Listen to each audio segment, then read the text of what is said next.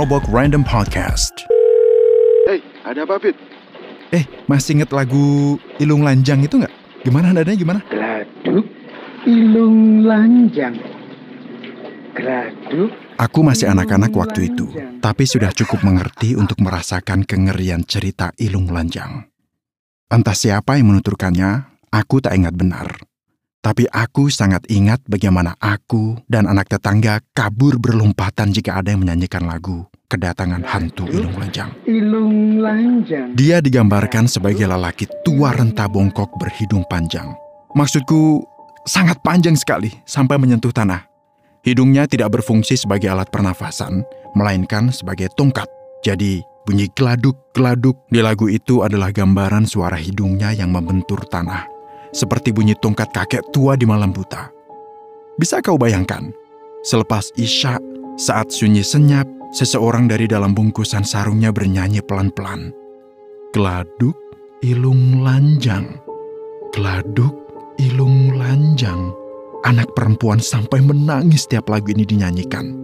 Lantas, apa yang dilakukan hantu ilung lanjang? Ya, ini adalah faktor yang penting untuk dibahas mengenai hantu, yaitu kegiatannya.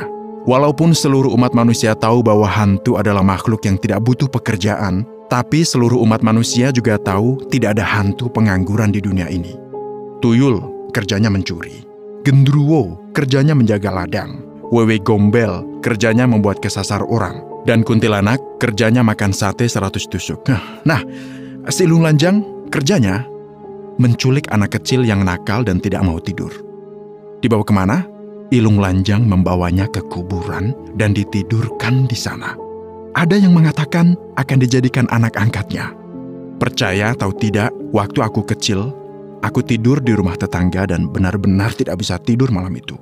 Tengah malam, aku mendengar suara geladuk-geladuk melintasi rumah. Aku ingat sampai menggigil saking takutnya.